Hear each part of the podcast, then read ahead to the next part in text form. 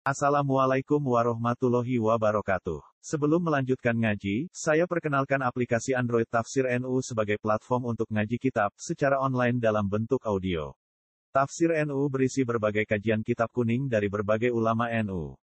Silahkan download aplikasi Tafsir NU di Google Play Store. Link download ada di deskripsi. Wassalamualaikum warahmatullahi wabarakatuh. Al-ya'su, putus asa. Mastaul al-ya'su, orang nguasani apa al-ya'su, putus asa. Ala umatin ing atase suwijining bangsa illa akhmalaha. Kejaba nglokroake nglokroake dari kata-kata nglokro. Nglokro iku ora kenceng. Nglokroake ya ya'as ha ing umat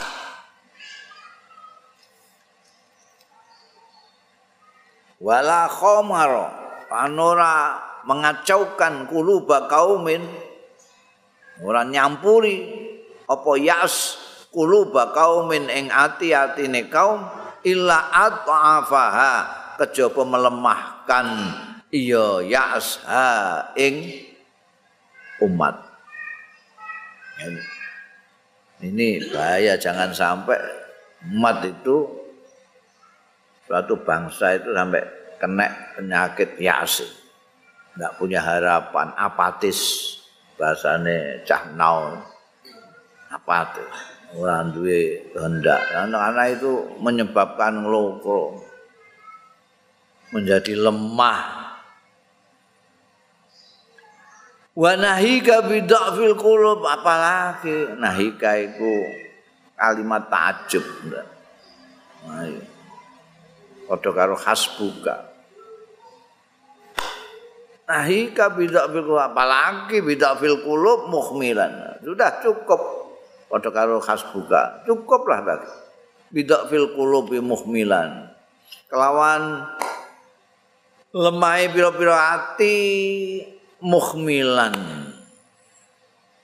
apa nih muhmilan sing dadek nong baru hati lemah hati saja itu sudah bikin ngelokro kalau ditambah-tambah lagi dengan yasu.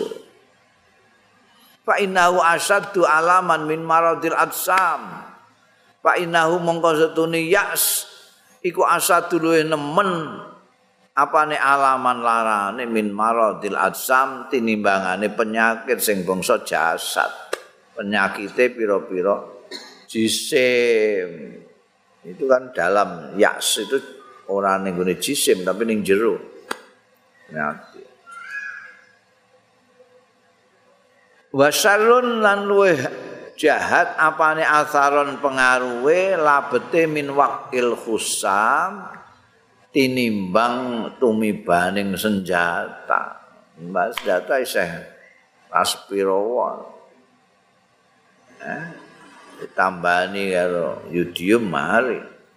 Tapi nek yas iki wah angel. Amal khumul ana dene nglokro khumul wa huwa utai khumul iku asarun merupakan pengaruh min asaril yaksi saking pengaruh pengaruhe putus asa. Putus asa dadi khumul. Khumul iki fakot ya jalul mar engko teman-teman iso ndadekake fakot ya al mongko bisa jadi fakot iku nek ning gone mudhorek bisa jadi. Bisa jadi ndadekno ya khumul al mar'a ing manusa wong kal hayawani kaya dene hayawan al ajam sing gagu kayak binatang yang gagu. Padahal dia punya akal pikiran dan nurani tapi karena kehilangan semangat ngelokro kenapa ngelokro? Karena putus asa dia udah bisa sama dengan binatang. Layak rifu min hadil haya orang orang ngerti ya kayawan atau maru sing kaya kayawan mau. Min hadil hayati saking iki kehidupan Orang ngerti ilama tahtadi ilaihil bahaim kejaba barang. Sing nuduhake ilaihi marang mas apa albahaimu? Rumangkang rumangkang bisaukit tabii bisaukit tabii kelawan di tuntun di nek dituntun sing bersifat alamiah. Min bayane minat tamattu nyatane enak-enakan bil mataimi lawan panganan-panganan wal masyaribi lan nomben-nomben wal maladzati lan kelazatan-kelazatan. Nek wong wis nglokro ngono iku mergo gara-gara yas iki terus kaya kewan ndikne. Kehidupannya ndak bisa dimahami. Dia ndak ngerti kehidupan ini kecuali apa yang diketahui oleh kewan itu. Mangan ngombe eh musa sing nikmat nikmate weteng kelamin bangsa ngono kuwi. Liyane gak paham.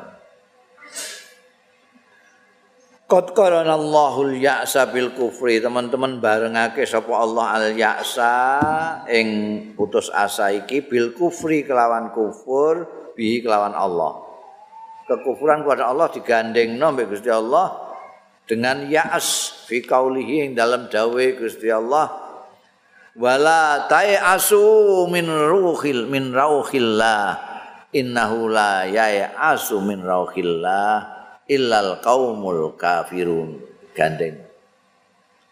Walatai asulan aja.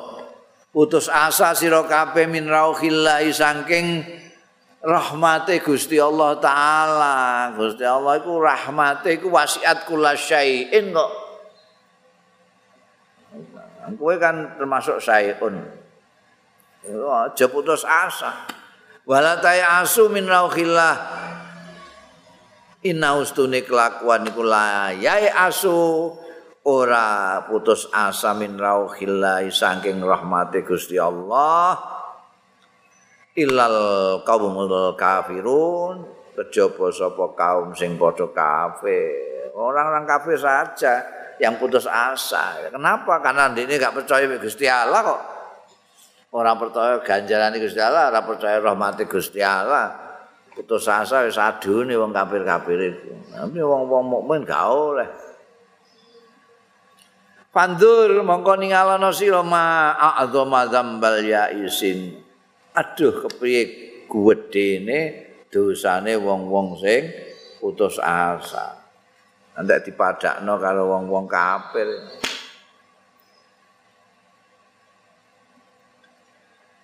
Walai syahadat dzam bulan ora ana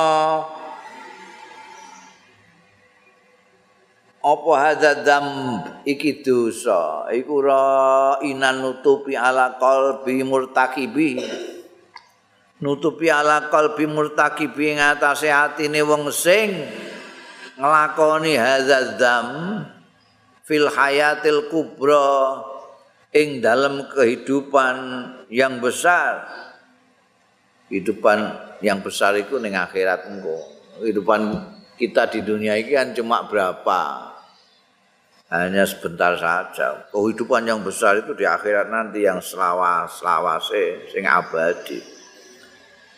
Orang yang melakukan dosa ya'as ini,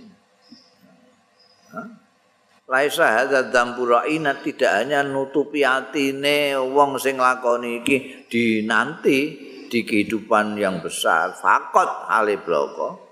Bal huwa yuhsi mujtarimahu. Yuhsi utawa yughasi. Tapi nungkepi nutupi juga hadza dzambi mujtarimahu ing wong sing nglakoni hadza dzambi fi hadzal hayati sura ing dalam kehidupan iki sing cilik iki aidon halimane ora kok ning akibate ning gone engko ning akhirat tok saiki ning gone donya iki wis berakibat itu orang yang ya'as itu.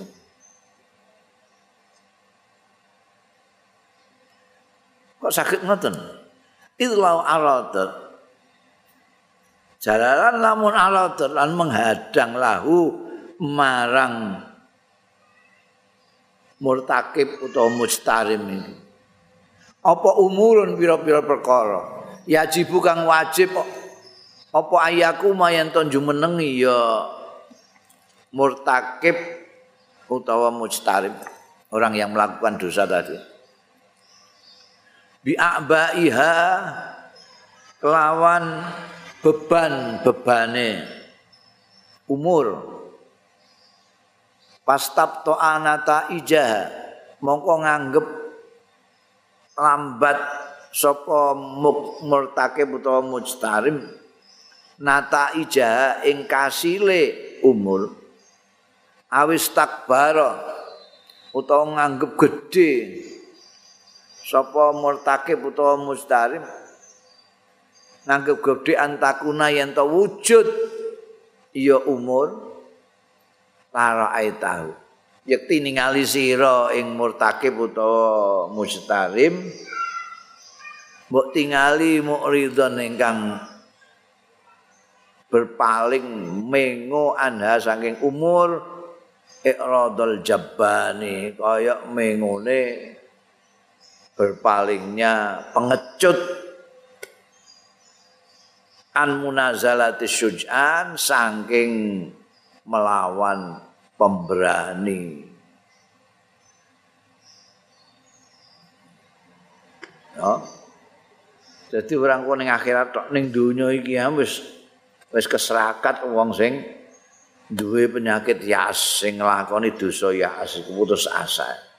Putus asa gak oleh. Laita asu kan larangan, wala asu minal khillah. Rahmati Gusti Allah wasiat kula saein kok ndekne kok putus asa. Ning dunia iki dia sudah mendapat gak enak ora kok trimo ning akhirat. Sebab piye? Sebab dia kalau di diminta untuk mengerjakan sesuatu pekerjaan terus dia walah iki gawean kok ngene iki rampungnya kapan iki masyaallah Wis ini gede ini ndak iso aku. Akhirnya terus gak wani ngelakoni apa-apa. Koyok pengecut dikon ngelawan orang yang gagah berani. Dulu-dulu dulu dijajal dilawan semua ayu dhisik. Padahal ma'anahu sartane setuhune mukir takib utawa mustarim lau sabara lamun tabah ya alal qiyam nelateni alal qiyami ngatasé jumenengi biya lawan umur.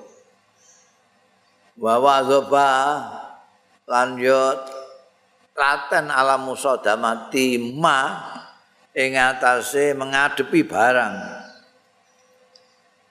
Ya tawiruhu yang ngeneki ya mahu ing murtakib utawa mujtarim minal awamil fisabili tahqiqiha saking pira-pira faktor fisabili tahqiqiha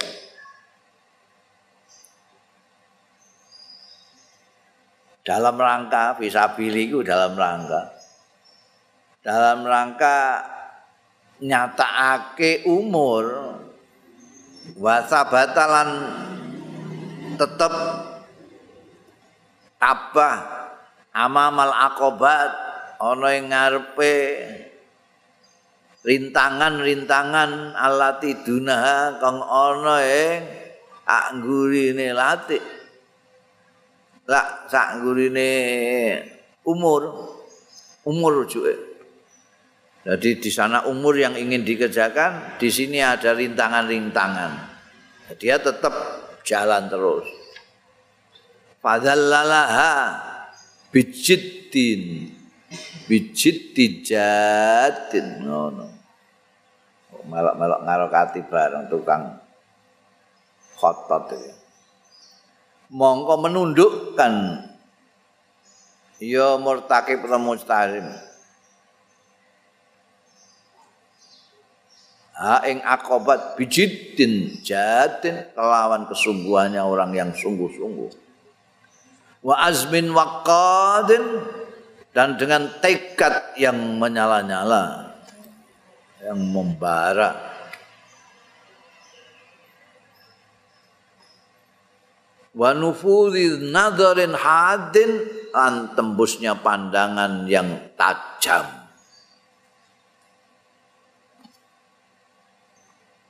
Waduh temen ini Ma'ana ulau sabar alal qiyami biha wa wadha ala musadamati ma yatawihu minal awamil wa sabata amamal aqabat lalalah la'atathu.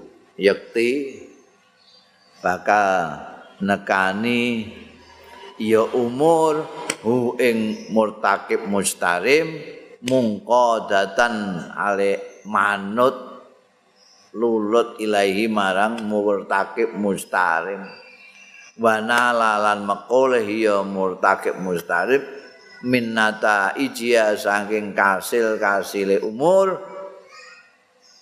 minnata ijia nyatane hasil hasile umur mekoleh maing barang yarumu sing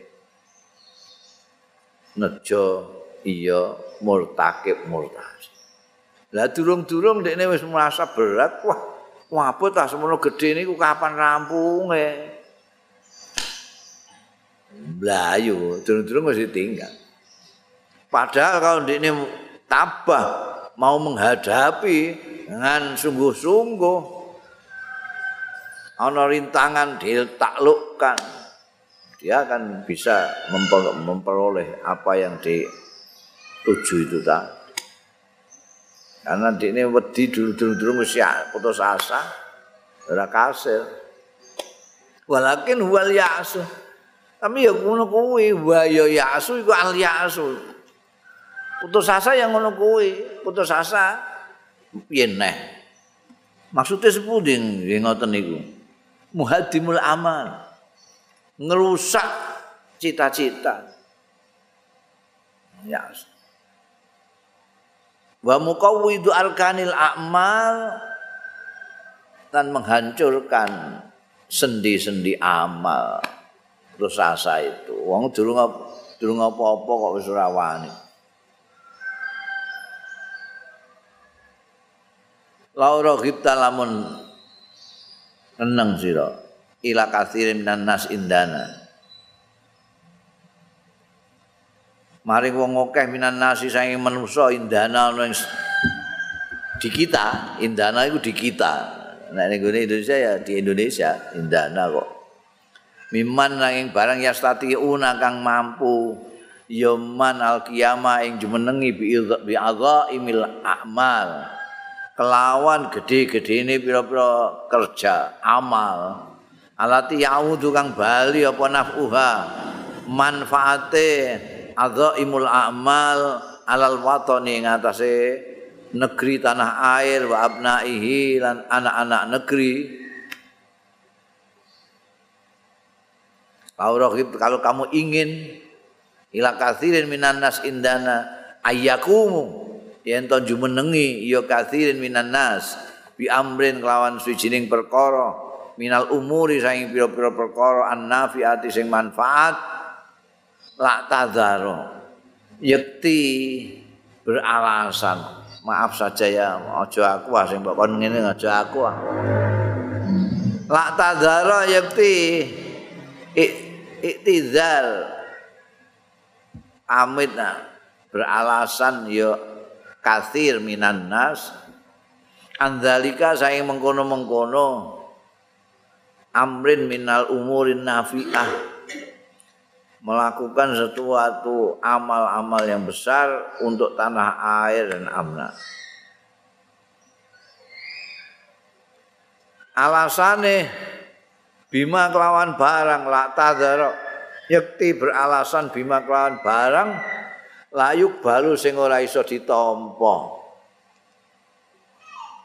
Malayuk balu saya malayuk balu min hujatin nyatane dalih hujah. Wa ma yubahu lahu min iktidalin lan ora iso dianggep lahu kedue ma bayane min iktidarin nyatane alasan. Akeh. Nek kowe misale menghendaki orang berbuat sesuatu untuk tanah air dan bangsa misalnya. Wah, akeh wong sing terus durung-durung aja aku. Aja aku gak iso. Alasane tetek bengek tapi yang jelas alasan-alasan sing ra iso ditampa. Iku anakku pirang-pirang. Aku iku anu encoken ya aku.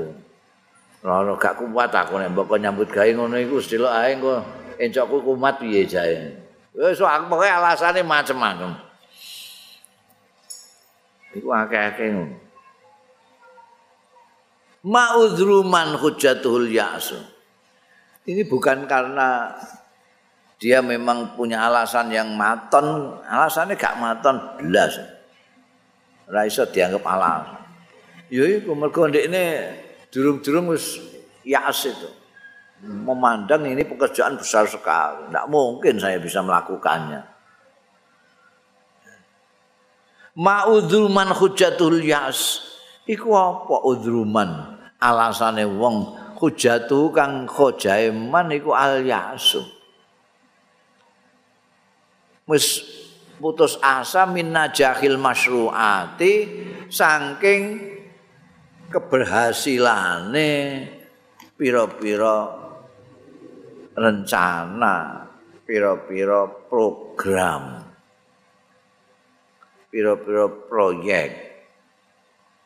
Wa burhanuhu tai buktine man iku suu batu najahil amal angele suksese pira-pira ngamal. Iku hujah apa? Alasan kok ngono ya?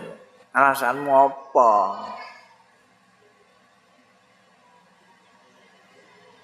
Uga duwe? Hujah ya ya itu ora mungkin aku iso.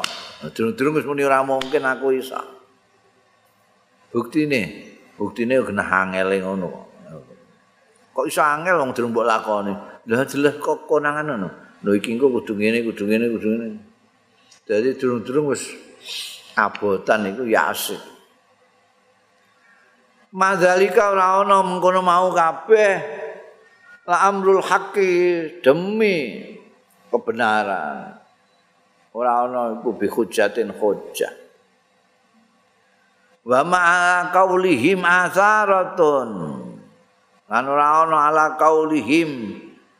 Ing atase omongane kasirun mau atharatun utai sedikit min burhanin sahihin saking bukti sing bener.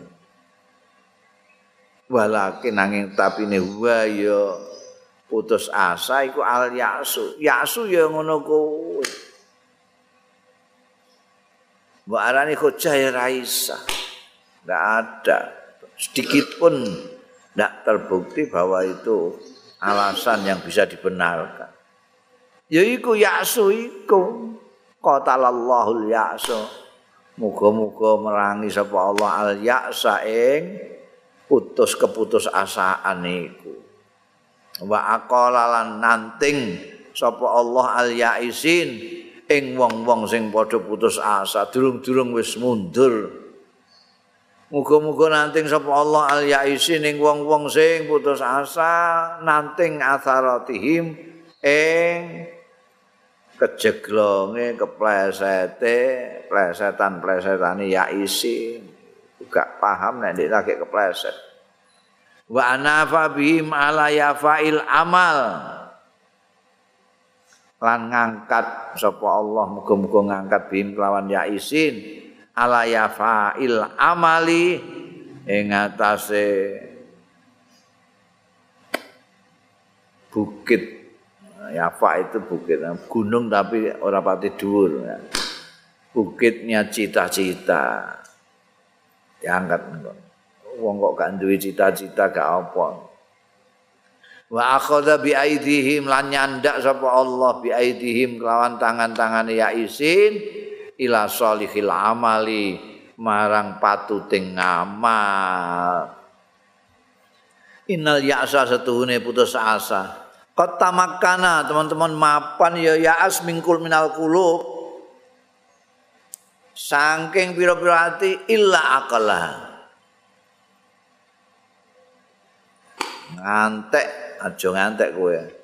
Putus asa ini bercokol dalam hatimu. Sebab begitu bercokol dalam hati tidak bisa lagi. Illa aqalah Wis mesti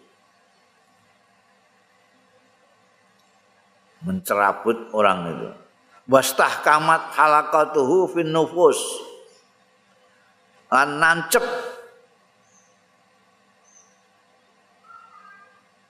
apa halaqatuhu halaqah itu ring. Jadi sing kaya ali-ali ngene iki halaqah. Iku nek nancep wis ora iso udar kon. Fin nufus yang dalam pira-pira jiwa.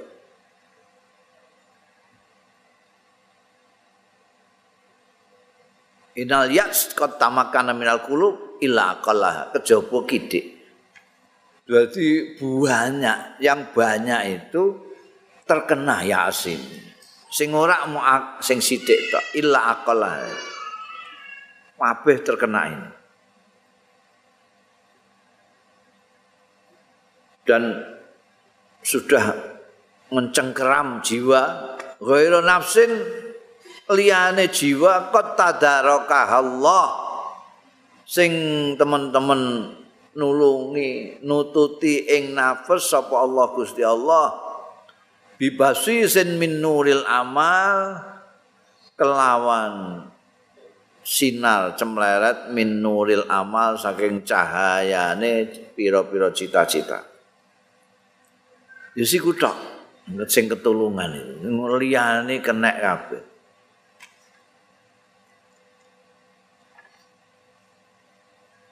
Kejaba nafsin jiwa yang ditulungi Gusti Allah dengan melihat adanya cemlerete cahaya amal.